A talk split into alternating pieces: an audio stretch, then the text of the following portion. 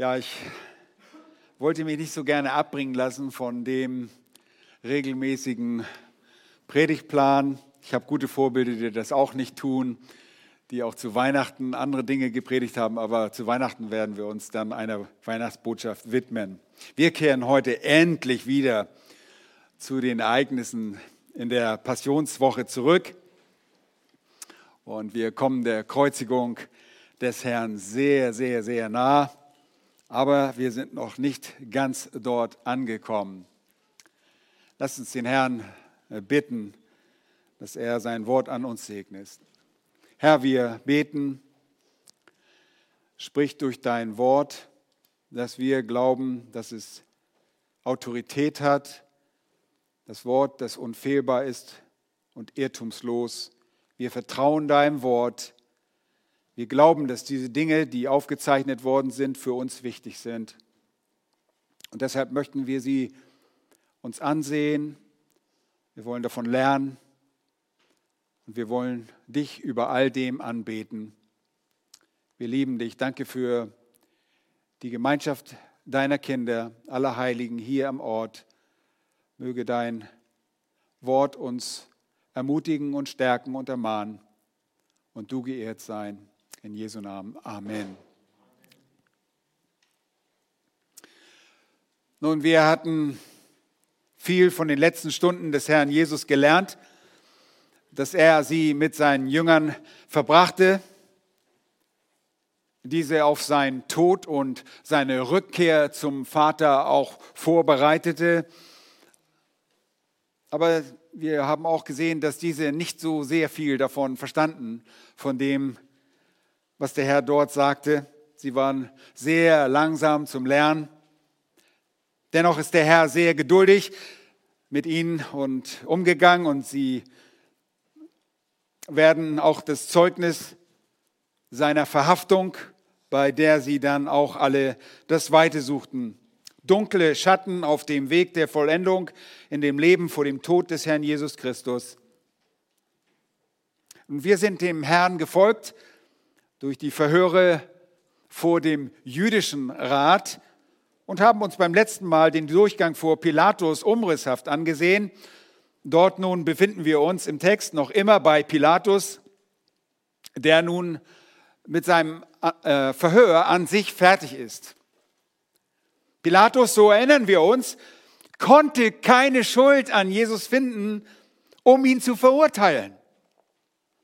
Und das betonte er mindestens dreimal auf dieselbe Art und Weise und mehrere andere Male auch.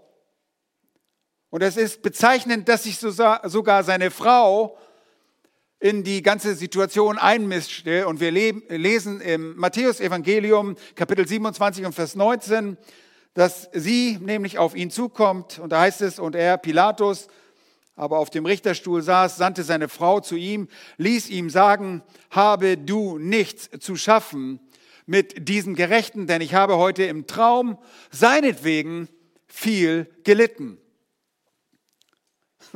Die Römer gaben zu jener Zeit sehr viel auf Träume. Und sie hatten eine riesige Furcht gegen die Art und Weise von Göttern anzugehen, so betrachteten sie diese Träume als Botschaften und Weisungen der Götter, der Engel oder der Dämonen. Und ihr könnt euch vorstellen, Träume waren Teil ihrer Realität. Ihr könnt euch nur vorstellen, dass solch eine Weitergabe der, den gottlosen Pilatus nur noch mehr beunruhigte. Aber ist euch aufgefallen, wie die Frau des Pilatus Jesus nannte? Hast du, habe du, Pilatus, sagt sie, nicht zu schaffen mit diesem Gerechten. Welch eine zutreffende Bezeichnung, welch eine korrekte Bemerkung über die Person Jesu von dieser Frau, deren Mann im Begriff ist, Jesus an die Juden auszuliefern. Und so lesen wir nicht nur, dass Pilatus keine Schuld an Jesus findet, sondern auch die Bemerkung seiner Frau unterstreicht, wie diese beiden wirklich Jesus einschätzten als den Gerechten. Auf diese Weise endet nun auch das abschließende Urteil von Pilatus, Hört einmal auf Vers 24 dort in Matthäus 27. Heißt es, als nun Pilatus sah, dass er nichts ausrichtete, sondern dass vielmehr ein Aufruhr entstand, nahm er Wasser und wusch sich vor der Volksmenge die Hände und sprach, ich bin unschuldig an dem Blut dieses Gerechten. Seht ihr zu? Hm. Wie seine Frau, so erkennt der römische Prokurator selbst Jesus als einen Gerechten an und wähnt sich, brüstet sich seiner Unschuld während er im Begriff ist, Jesus auszuliefern. Milchmädchen. Hm. Als Reaktion auf diese Worte des Pilatus kommt das aufgewiegelte Volk so richtig in Wallung. Es fürchtete, dass Pilatus eine Freilassung Jesu veranlassen könnte. Und deshalb lesen wir in Vers 25 von dem Volk, und das ganze Volk antwortete und sprach, sein Blut komme über uns und über unsere Kinder. Und ihr Lieben, genau das geschah. Das Blut Jesu, das am Kreuz auf Golgatha vergossen werden sollte, in nur wenigen Stunden, oder soll ich sagen Minuten, so keine 180 Minuten hin bis zum Tod, bis, zum, bis zur Kreuzigung, zum Tod noch ein bisschen länger. Aber dieses Blut, das dort vergossen wurde oder werden sollte, kam über Israel. Und es rief nach der Pflicht des Bluträchers. Im 4. Mose, Kapitel 35, Vers 18 lesen wir, dass ein Bluträcher soll den Totschläger töten. Wer ihn antrifft, soll ihn töten. Und der Bluträcher ist Jahwe Gott, der über das mörderische Volk die Blutrache bringt und das bis zum heutigen Tag. Israel steht unter einem Flug, der Zorn Gottes wird geoffenbart, heißt es vom Himmel her, über alle Gottlosigkeit und Ungerechtigkeit der Menschen und das spürt dieses verblendete Volk bis zum heutigen Tag in einem besonderen Maße. So auch die Völker dieser Welt, die der Sünde dienen. Nun, aber wir betrachten hier und heute nicht mehr das Verhör vor Pilatus, sondern Markus gibt uns eine thematisch zusammengestellte Aufzeichnung über die Misshandlung an Jesus. Wir sehen in unserem Text ein spöttisch inszeniertes Spiel, eine sogenannte Parodie im Innern des Prätoriums. Es ist ein spottendes Theater, das sich nach dem Skandal des anstelle für Jesus freigelassenen Barabbas aufgrund der Passa-Amnestie abspielte. Lasst uns den Text lesen.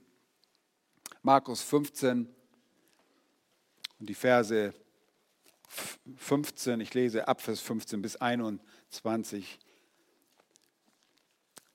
Markus 15.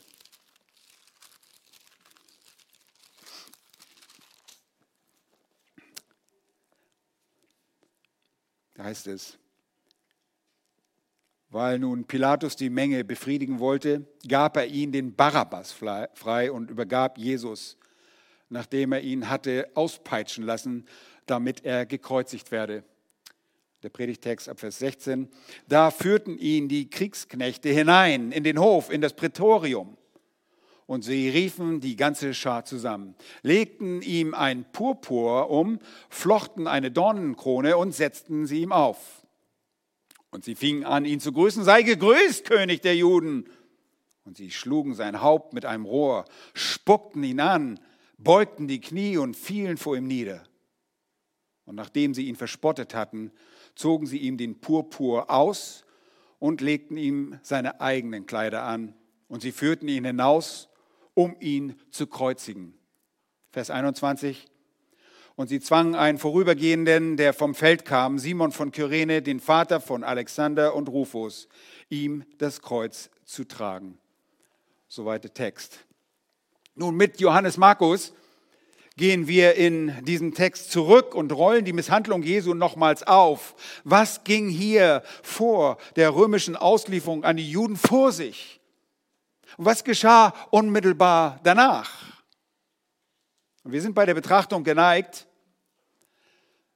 als Kinder Gottes recht argwöhnisch und entsetzt auf diese Momente und den Kreuzestod in der Geschichte des Herrn Jesus zu blicken. Und wisst ihr was, wir vergessen, vergessen allzu oft, dass die schändliche, diese spottende Behandlung, der ganze Hohn, wie er hier dem Herrn Jesus Christus entgegengebracht wird, die Haltung eines typischen Sünders aufzeigt. Und du und ich genau so ein Teil dieser verhöhnenden Dramaturgie gewesen wären, wenn nicht der lebendige Gott sich unser erbarmt hätte, wenn wir zu dieser Zeit gelebt hätten. Und der Komponist von Wie tief muss Gottes Liebe sein, drückt es in der zweiten Strophe so passend aus. Ich schaue auf den Mann am Kreuz, nun Jesus hängt noch nicht am Kreuz, aber er ist im Begriff dort zu hängen. Ich schaue auf den Mann am Kreuz, kann meine Schuld dort sehen, mich bei den Spöttern und voll Beschämung sehe ich mich bei den Spöttern stehen, heißt es dort in der zweiten Strophe. Für meine Sünden hing er dort. Sie brachten ihn ums Leben. Sein Sterben hat sie ausgelöscht. Ich weiß, mir ist vergeben. Jesus musste diesen Leidensweg gehen, um dem Sendungsauftrag durch seinen Vater vollends nachzukommen und um uns letztlich durch seinen Kreuzestod erlösen zu können. Und so wollen wir die Passage durchsehen und dabei bedenken, es ist meine Schande und mein Spott und mein Hohn trug Jesus, Gottes Sohn. Meine Schande, mein Spott und mein Hohn trug Jesus, Gottes Sohn. Nun, wenn ich von Schande spreche, Schande ist etwas, was im höchsten Maße empörend, skandalös ist. Denn in meiner Stellung und in meinem Zustand als gottloser Mensch verfehle ich die Absichten Gottes bei weitem. Mein Leben als Sünder ist ein einziger Skandal in Gottes Augen. Das Leben ohne Gott ist skandalös, weil es nicht im Einklang mit dem Willen Gottes steht. Ja, mehr noch, es ist eine Schande, weil ich den Schöpfer des Lebens verleugne und der Mensch als Sünder in dieser Schande, als Widersacher, als Feind Gottes lebt. Der Mensch ist von Natur aus in Feindschaft und lebt in Feindschaft mit Gott. Die Schande meines Lebens ist es todeswürdig. Und dazu kommt mein Spott. Spott ist die Äußerung oder Verhaltensweise, mit der sich jemand über jemanden, dessen Wesen, jemandes Gefühle oder ähnliches lustig macht, seine Schadenfreude ausdrückt, über jemanden oder etwas, was diese Person betrifft, frohlockt. Das ist es, was hier in diesem Text sehr bewusst durch die Soldaten geschieht. Aber es ist auch etwas, was jeder Sünder erlebt, wenn auch nicht immer im vollen Bewusstsein. Das Leben des gottlosen Sünders ist ein Spott des lebendigen Gottes. Der Sünder denkt an sich, dass das Leben ihm allein gehört und er als Sünder Anspruch auf seine eigene Entscheidung hat. Er sucht die Unabhängigkeit, und Freiheit von Gott, ist aber nicht dafür geschaffen. Aber Gott sagt, dass er sich nicht spotten lässt. Und der Mensch wird das ernten, was er gesät hat. Und um mein Thema zu erklären, sage ich euch auch etwas zum Hohn. In unserer Sprache kommt das Wort aus dem Mittelhochdeutschen.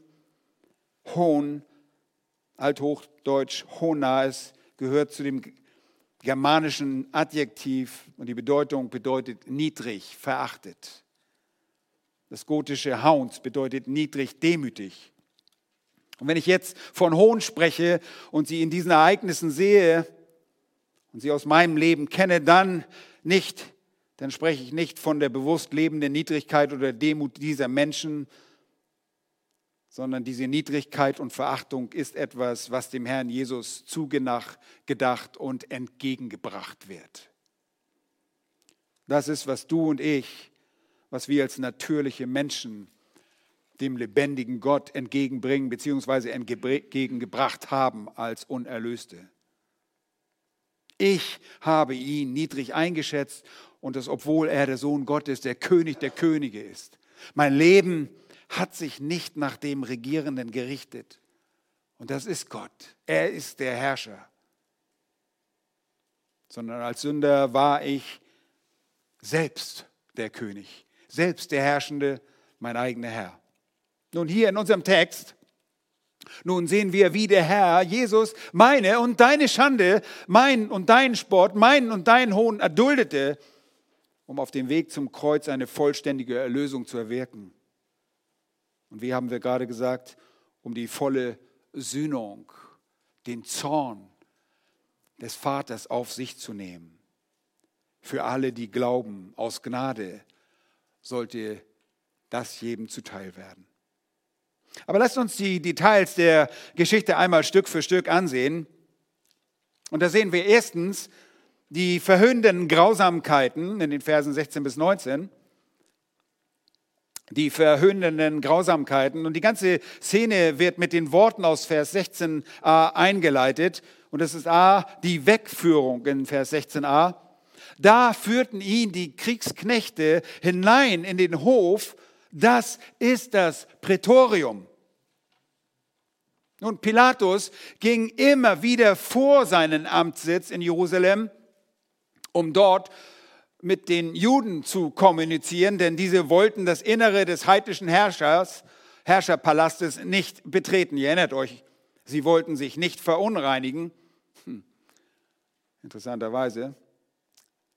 Und schließlich bringt er Pilatus Jesus auch aus dem Innern des Prätoriums hinaus zu den Juden. Draußen vor seinem Jerusalemer Amtssitz war der Ort, der griechisch Lithos Drotos genannt wurde, Steinpflaster auf Hebräisch Gabata. Dort befand sich auch das Bema, der Richterstuhl, auf dem Pilatus letztlich Platz nahm, um Jesus den Juden zu übergeben, ja, den Juden zu übergeben. Aber schaut einmal, von diesem Ort, diesem Steinpflaster, diesem Lithostrotos, ging es zwischendurch wieder hinein in das Prätorium. Die Kriegsknechte nämlich führten Jesus hinein in diesen Hof. Und das ist offenbar ein sehr großer Innenhof, der das Prätorium ausmacht und in dem eine Menge von Menschen Platz fanden. Dort versammelte der römische Statthalter unter anderem auch gewöhnlich Truppen, um ihnen selbst strategisch militärische Anweisungen zu erteilen. Aber hier werden wir Zeugen davon, dass sich der Schöpfer dieser Welt von den Kriegsknechten führen lässt. Hinein in diesen Hof, in das Prätorium. Und alles muss sehr schnell gehen. Aber diesen Aspekt des verhöhnenden, dieser verhöhnenden Grausamkeiten, den wollten sie sich nicht entgehen lassen. Und wir lesen in Vers 16b von einem Zusammenruf, B, der Zusammenruf. Und sie riefen die ganze Schar zusammen. Die Kriegsknechte, wörtlich die Soldaten, rufen jetzt eine Menge zusammen und das griechische Wort zeigt uns genau an, wer diese Zusammengerufenen waren. Es war die Spera, die Kohorte, die militärische Einheit, die zu der Zeit im Einsatz war und möglicherweise auch bei der Verhaftung Jesu zugegen war. Nun, ob nun alle kamen oder nur ein Teil, das wissen wir nicht genau, aber es dürfte sich um ein paar hundert Männer gehandelt haben. Eine römische Kohorte, wenn ihr euch erinnert, bestand aus dem zehnten Teil einer Legion und war bis zu 600 Soldaten stark. Der Innenhof war also packend voll. Lasst das an euch an eurem geistigen Auge vorbeiziehen. Ihr könnt euch vorstellen, dieser Innenhof gefüllt mit diesen Raubeinern und wir sehen eine bewusst eingeleitete Verhöhnung mit Grausamkeiten, die auf den Herrn Jesus Christus selbst abzielten. Diese Soldaten inszenieren ein Schauspiel, eine öffentliche Verspottung mit Misshandlungen verschiedenster Art, das macht zum ersten Mal Vers 17 deutlich.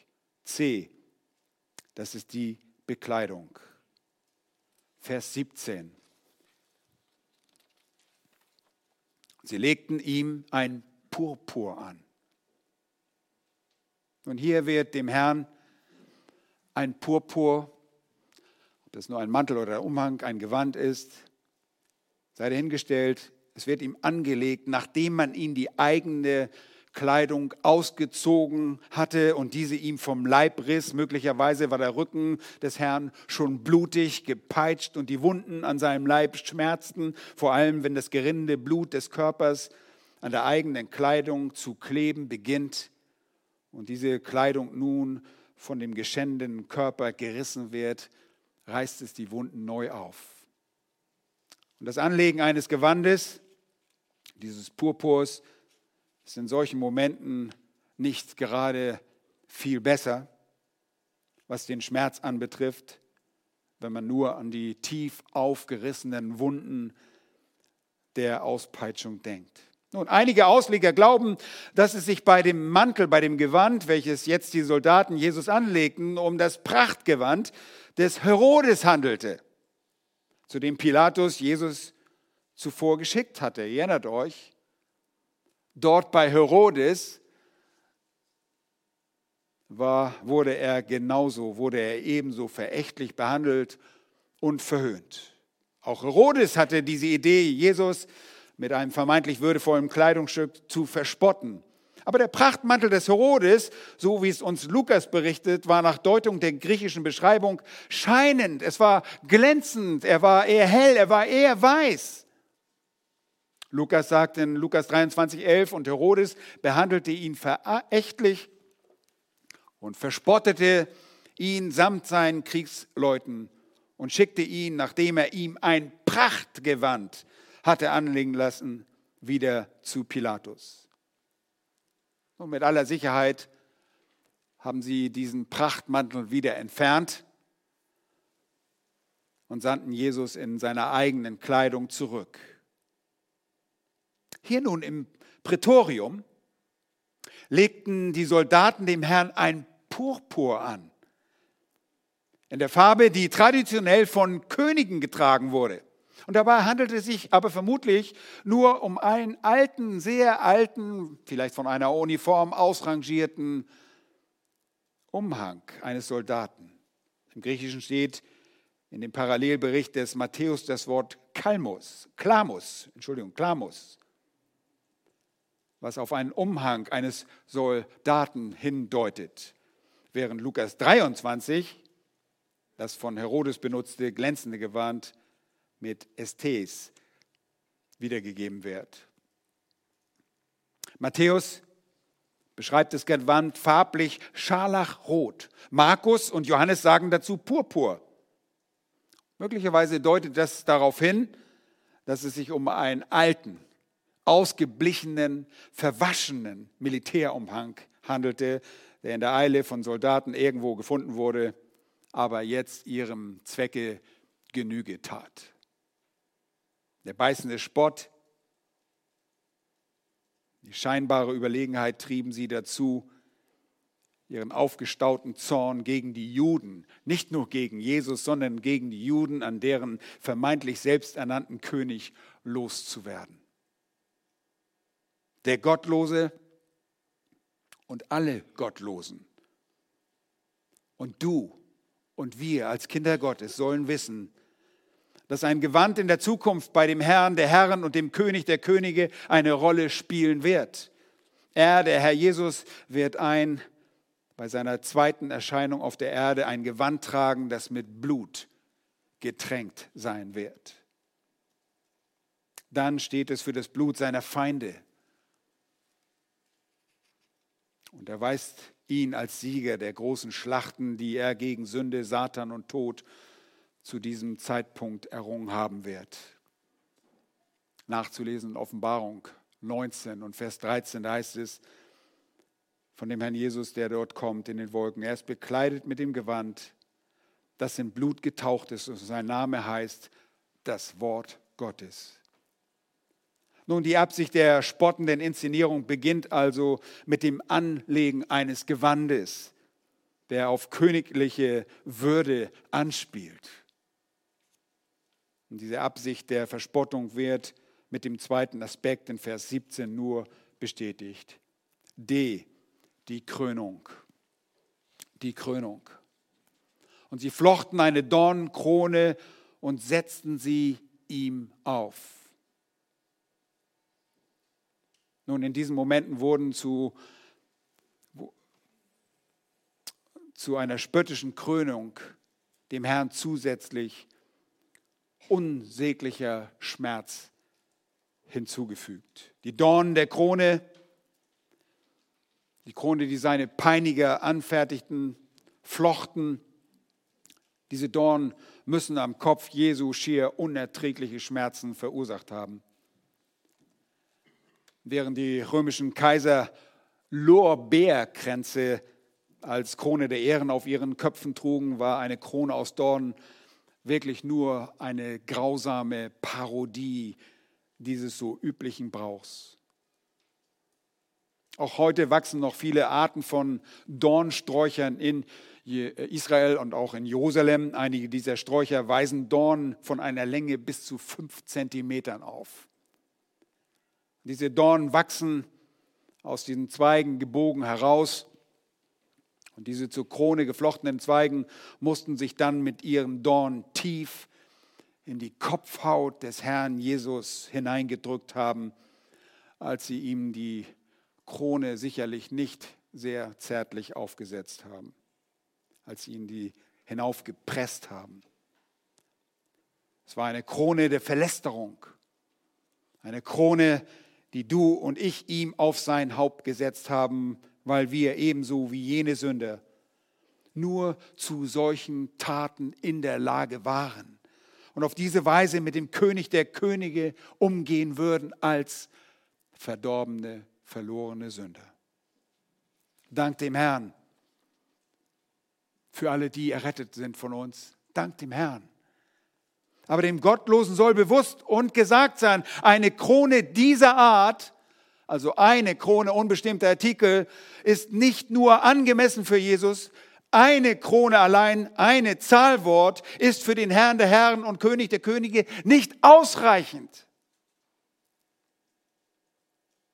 Wenn der Herr Jesus Christus wiederkommt, dann werden alle Augen ihn sehen und mit dem, was angemessen ist, mit vielen Kronen. In Offenbarung 19, Vers 12 sieht der Apostel Johannes den weit geöffneten Himmel und von dort aus den Herrn in der Luft erscheinen. Wie? Genauso. Seine Augen aber sind wie eine Feuerflamme und auf seinem Haupt sind viele Kronen. Und er trägt den Namen geschrieben, den niemand kennt als nur er selbst. Ihr Lieben, eine Krone allein ist des Schöpfers nicht würdig. Seine Würde erfordert eine Vielzahl von Kronen, denn er ist der allumfassende Herrscher, der auf der Erde als einziger König regieren wird. Am Tag seiner Erscheinung gilt, Sacharja 14, Vers 9, und Jahwe wird König sein. Und über die ganze Erde, an jenem Tag wird Jahwe der Einzige sein und sein Name der Einzige. Deshalb wurde ein gottesfürchtiger Liederkomponist einmal dazu veranlasst, die Gläubigen dazu, das Lied aufzufordern, den Herrn der Herren mit vielen Kronen zu krönen. Wir kennen das aus dem englisch stammenden Crown Him with many crowns, auch im Deutschen. Mit allen Kronen krönt das Lamm auf Gottes Thron. Und da heißt es in der zweiten Strophe, mit allen Kronen krönt den, der die Liebe ist, der für uns gibt sein Leben hin und uns mit Gott versöhnt. Nun, hier in unserem Text ist Jesus im Begriff, sein Leben zu geben, zu leiden. Und das bis zum bitteren Ende des Todes. Denn von hier aus, aus dem Innern des Prätoriums des römischen Statthalters von Pontius Pilatus wird Jesus hinausgeführt, um nur wenige Stunden später am Kreuz sein Leben für die Glaubenden selbst aufzugeben. Aber die Verspottung geht noch weiter. Ehe die Begrüßung Und sie fingen an, ihn zu grüßen. Sei gegrüßt, König der Juden. Der Krönung entsprechend grüßen sie Jesus mit Worten, die sogar der Wahrheit entsprechen. Der Realität. Er ist in der Tat König der Juden. Und das hatte Jesus auf die Frage des Pilatus in Markus 15, wenn ihr in den Kapitel nur ein wenig zurückgeht, in Vers 2, zuvor so deutlich bestätigt. Dort fragte Pilatus ihn, bist du der König der Juden? Er beantwortete und sprach zu ihm, du sagst es, du sagst es. Jesus war und ist der König der Juden, aber die Seinen haben ihn nicht erkannt. Und von den Römern wird diese Wahrheit genutzt, um nicht nur Jesus, sondern auch die Juden mit einem empfindlichen Seitenstich der Verachtung zu begegnen. Die Juden wollten keinen schwachen König. Erinnert ihr euch? Sie wollten einen begabten Messias. Sie wollten einen Kriegsmann, der über die Römer und über alle Heiden letztlich herrschen würde. Und so nutzten die Römer diesen Moment, um Jesus zu demütigen und das Volk Israel zu beleidigen. Nun, im Inneren des Prätoriums konnten sie es tun, denn die Juden waren ja draußen. Pilatus nutzte den Moment, um die Schuldschrift, aber dennoch mit dieser Aussage über dem Kreuz zu befestigen. Und das gefiel den Juden überhaupt nicht. Und damit wollte er nur zeigen, was dieser vermeintlich elende Geisteskranke für sich beanspruchte. Schaut einmal in Vers 26 in Kapitel 15. Und die Inschrift, die seine Schuld anzeigte, ihr erinnert euch, er konnte keine Schuld finden. Also, was schrieb er darüber? Der König der Juden. Das war seine Schuld. Er war der König der Juden. Mehr konnten die Römer nicht ausmachen und mehr wussten auch die Juden nicht zu sagen. Seine Anklage beruhte auf der Wahrheit seiner Königsherrschaft. Der ewige König sollte König der Juden sein. Und er ist der König der Juden, ja mehr noch, er ist souveräner König über alles, was lebt. Aber die römischen Soldaten im Innern des Prätoriums blieben nicht lediglich bei einer verbalen Verspottung, das ist viel zu wenig. Sie blieben nicht beim Hohn der Worte dieser verächtlichen Begrüßung, Sie drückten Jesus zur Vervollständigung ihrer symbolischen Verspottung ein Rohr in die Hand. Eine Anspielung auf das königliche Zepter. Das sehen wir in Matthäus 27.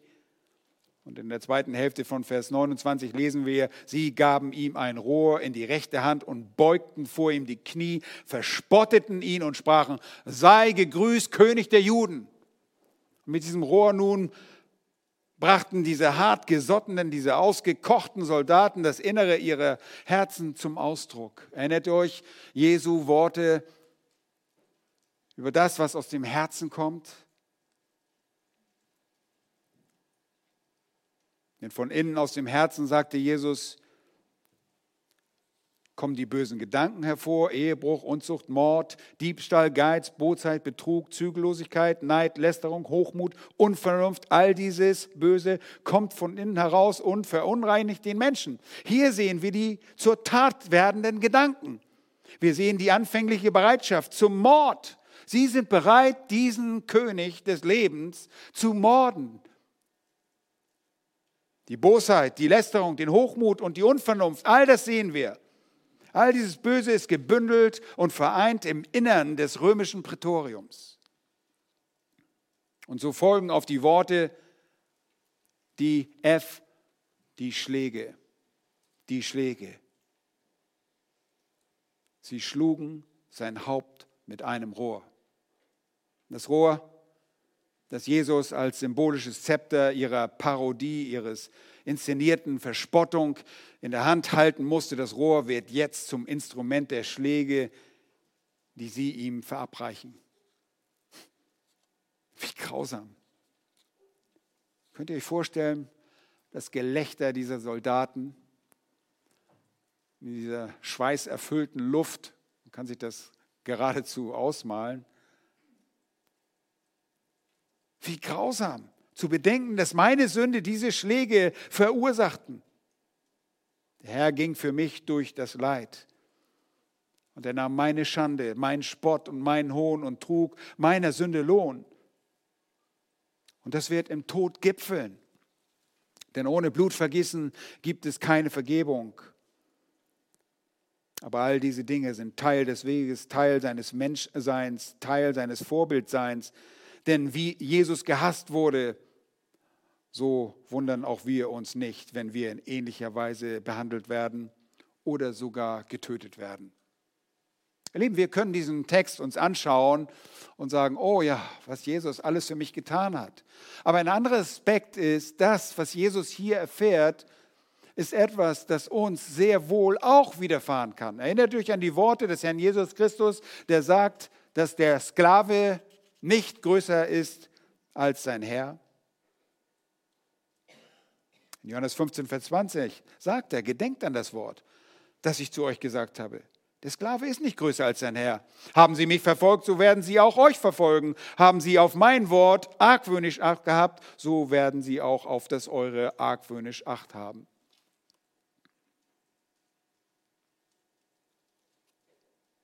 Nun, es ist sicherlich viel schöner zu sehen, dass Jesus alles für uns auf sich nimmt und das tut er und das ist wunderbar dass wir dieses Leid, das aus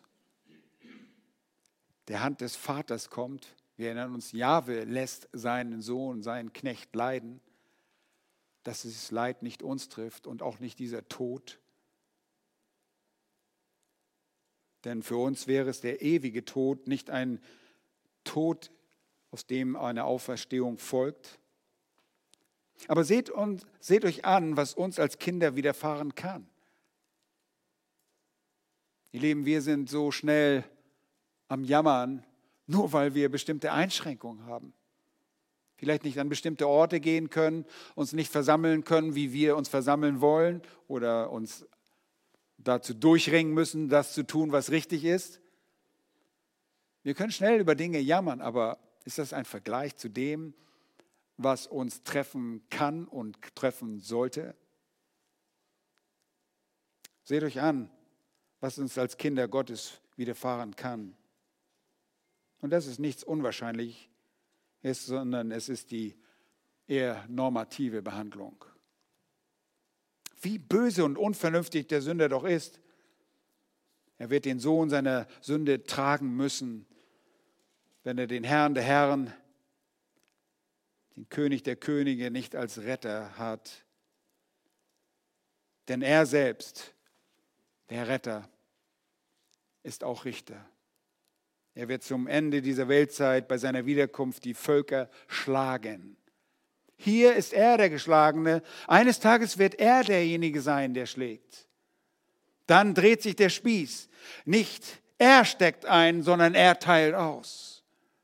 Wir lesen in Sacharja 14, Vers 12, das aber wird die Plage sein, mit welcher Jahwe alle Völker schlagen wird, die gegen Jerusalem Krieg geführt haben.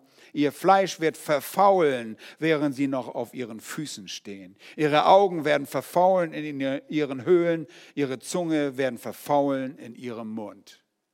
Guten Appetit. Der Herr wird schlagen. Und dem Schlagen folgt ein unerbittliches Gericht vor dem weißen Thron mit einer Verurteilung, deren Ende der Feuersee der Gottlosen sein wird, der Ort, an dem Satan und seine Dämonen sein werden. Hier im Innern des Prätoriums ist ein scheinbar schwacher König, der sich bewusst um deiner und meiner Erlösung willen seinen Peinigern hingibt, willig hingibt. Er ist der Fügsame, der den Willen des Vaters erfüllt. Er, er gibt sich der Schmach und der Verachtung, die auch durch Geh das Bespucken zum Ausdruck kommt. Geh das Bespucken. Und sie spuckten ihn an. Nun, das Bespucken ist ein universal bekanntes Vorgehen zum Ausdruck der Verachtung.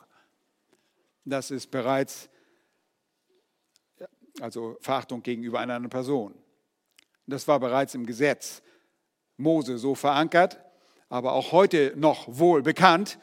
Eine der bekanntesten Spuckszenen der Neuzeit geschah, geschah während der Fußball-Weltmeisterschaft 1990 in Deutschland, als der niederländische Verteidiger Frank Rijkaard den deutschen Stürmer Rudi Völler in seine Locken spuckte und Millionen von Zuschauern das in ihrem Wohnzimmer vor ihren Bildschirmen empört beobachten. Ich erinnere mich selbst noch daran. Nun, das ist gar nichts. Hier ist die ultimative Spuckszene. Eine Szene der allerhöchsten Verachtung. Die Soldaten spucken den Schöpfer der Welt an. Unglaublich, aber wahr. Gleichzeitig gehen sie auf die Knie und der letzte Teil von Vers 19 spricht davon, das ist Punkt I, die Anbetung. Sie beugten die Knie und fielen vor ihm nieder. Was für ein schreckliches Lustspiel, welche Parodie. Was hier verspotten im Prätorium des Pilatus zur Verhöhnung eines scheinbar geistesgestörten Mannes getan wurde, denn so sahen sie ihn an, das geschieht in aufrichtiger Hingabe der Realität entsprechend durch solche, die Jesus kennen, die ihn lieben und wissen, wer er wirklich ist. Eines Tages wird die Anbetung, das Beugen der Knie zur ernsten Realität für jeden Gottesleugner. Für alle noch geistlich blinde Menschen wird sie zu einem Horror, denn jedes Knie wird sich vor Jesus Christus beugen müssen. Ihr Lieben, dass das so sein wird, das erkannte damals auch König Friedrich Wilhelm IV. von Preußen. Wir wissen das, denn er war es, der ursprünglich an der Kuppel des Berliner Stadtschlosses die Bibelverse anbringen ließ, die dies richtigerweise ausdrücken. Dort heißt es, es ist in keinem anderen Heil, denn in den Namen Jesu zur Ehre Gottes des Vaters, dass in den Namen Jesu sich beugen sollen aller derer Knie, die im Himmel und auf Erden und unter der Erde sind. Eine Kombination der Bibelverse aus Apostelgeschichte 4, Vers 12 und Philippa 2, Vers 10. Heute distanziert sich die Schlossstiftung von diesen Wahrheiten, die an der neu errichteten Stadtschlosskuppel zu lesen sind. Dem Anspruch des alleinigen Herrschers Jesus Christus soll dort per Tafelbeschriftung auf der Dachterrasse des Berliner äh, Schlosses widersprochen werden. Zumindest ist das so vorgesehen. In der Tat werden alle denkenden Wesen der Schöpfung Gottes dazu aufgerufen, Jesus anzubeten. Du bist aufgerufen, ihn anzubeten. Denn er ist der Christus, er ist der Gesalbte, der Sohn Gottes, dem allein Anbetung gebührt. Und dieser Aufruf gilt sowohl den Engeln im Himmel als auch den bereits dort befindlichen Seelen der Gläubigen. Es ist ein Aufruf an die Gläubigen auf Erden als auch ein Aufruf an die gottlosen Rebellen auf dieser Erde. Es ist ein Aufruf an die gefallenen Engel, die Dämonen, als auch ein Aufruf an die verdammten Seelen in der ewigen Hölle. Letztlich müssen sich alle Geschöpfe vor Gott, dem Sohn, beugen, denn Jesus wird für alle sichtbar auf der Erde herrschen. Aber Jesus nahm diese Schmach um seiner Kinder willen auf sich und lässt sich auf diese Art und Weise verspotten. All diese Dinge ließ er über sich gehen, um zum Ziel zu kommen, um dich und mich zu erlösen. Nun, in Vers 20 kommen wir zu dem zweiten Punkt einer nüchternen Routine. Und das muss etwas nicht so ungewöhnliches gewesen sein für die Soldaten, da heißt es, und nachdem sie ihn verspottet hatten, zogen sie ihm den Purpur aus und legten ihm seine eigenen Kleider an und sie führten ihn hinaus, um ihn zu kreuzigen. Wie oft hatten die Römer diese Prozedur des Aus- und Ankleidens und des Abführens zu einer Kreuzigung vorgenommen? Es waren einige tausend Male. Die Römer waren bekannt für ihre Kreuzigungen. Aber dieser Fall war außerordentlich. Denn Jesus ist wahrer Gott und wahrer Mensch. Sie bekleideten Gott, den Ersten und den Letzten, den Unvergänglichen.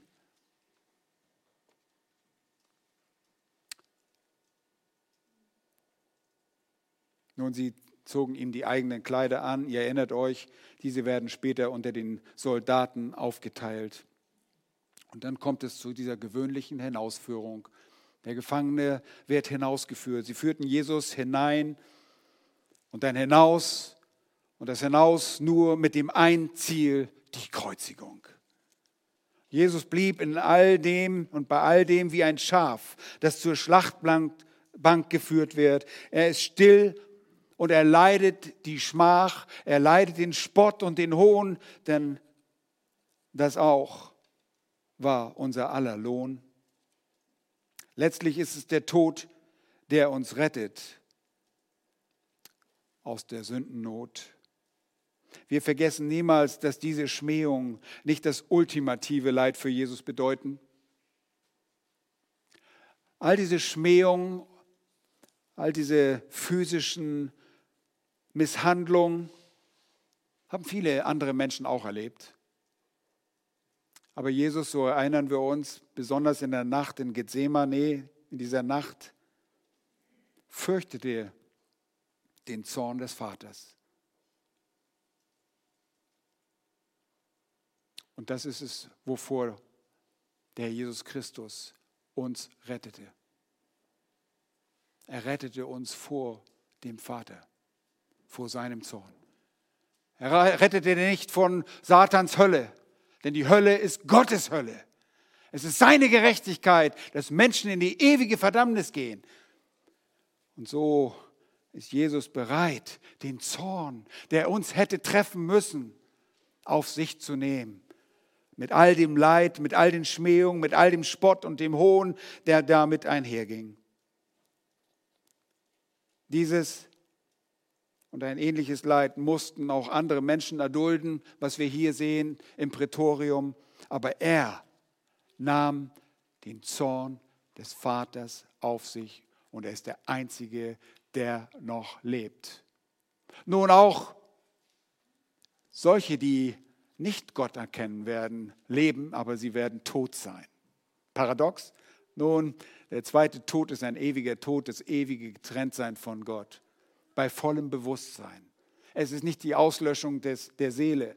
Bei vollem Bewusstsein gepeinigt in der Gottesferne. Das ist der zweite Tod.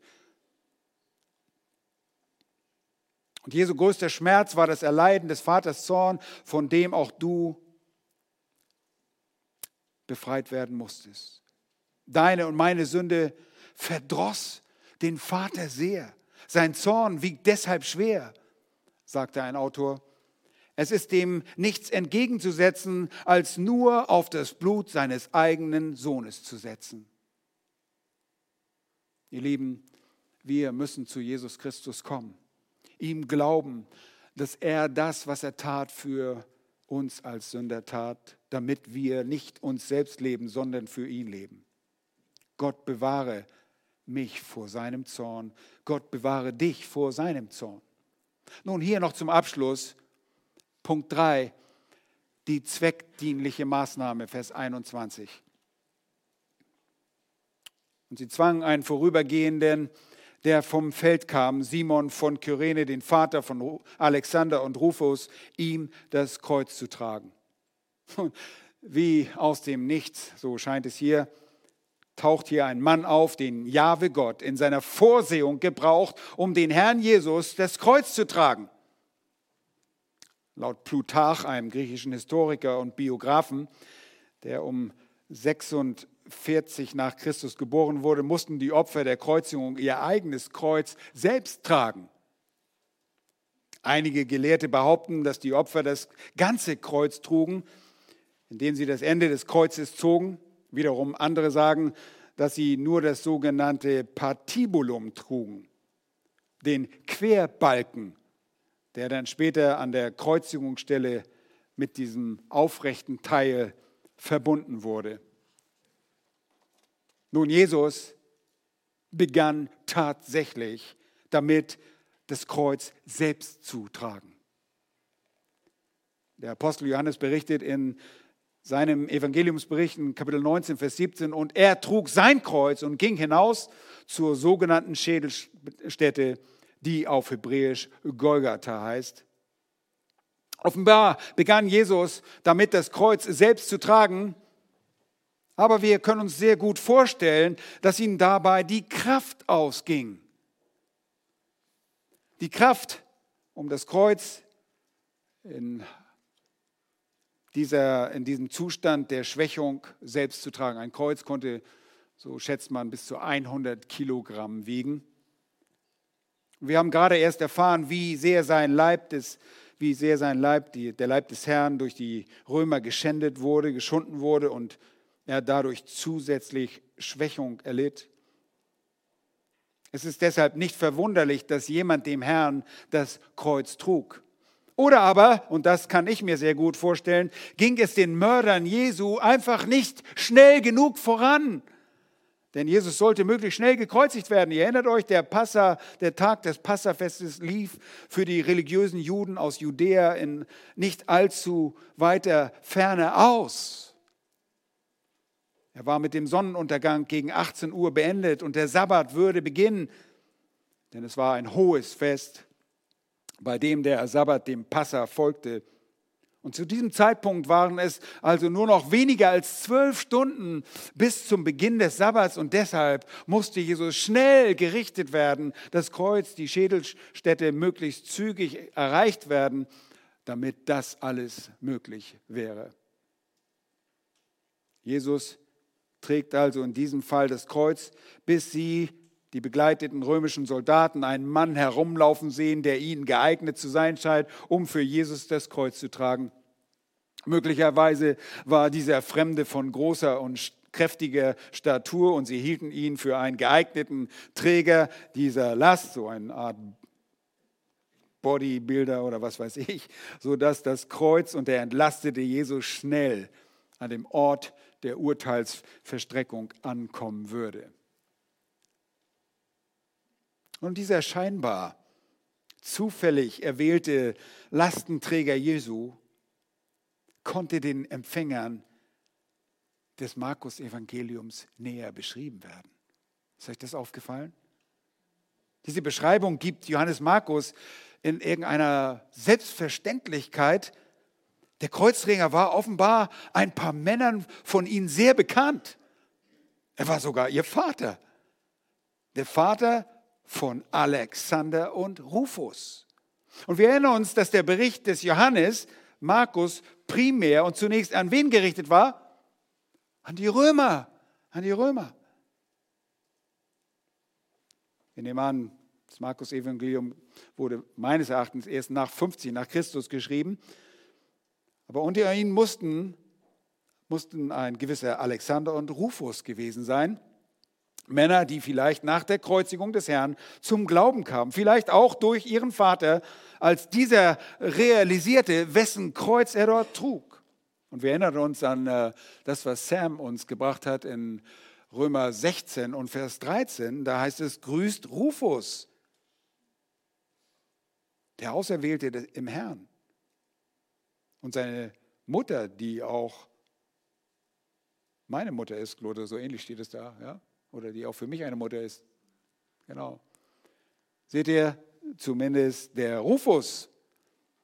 Könnte sein, dass es dieser Rufus ist. Wir wissen es nicht ganz genau, aber es ist durchaus denkbar, dass diese Männer bekannt waren und somit auch der Simon von Kyrene, der ursprünglich aus Kyrene kam einer starken, großen äh, jüdischen Ansiedlung dort. Nun, Jesus gelangt zum Kreuz und das führt uns zum Mahl des Herrn.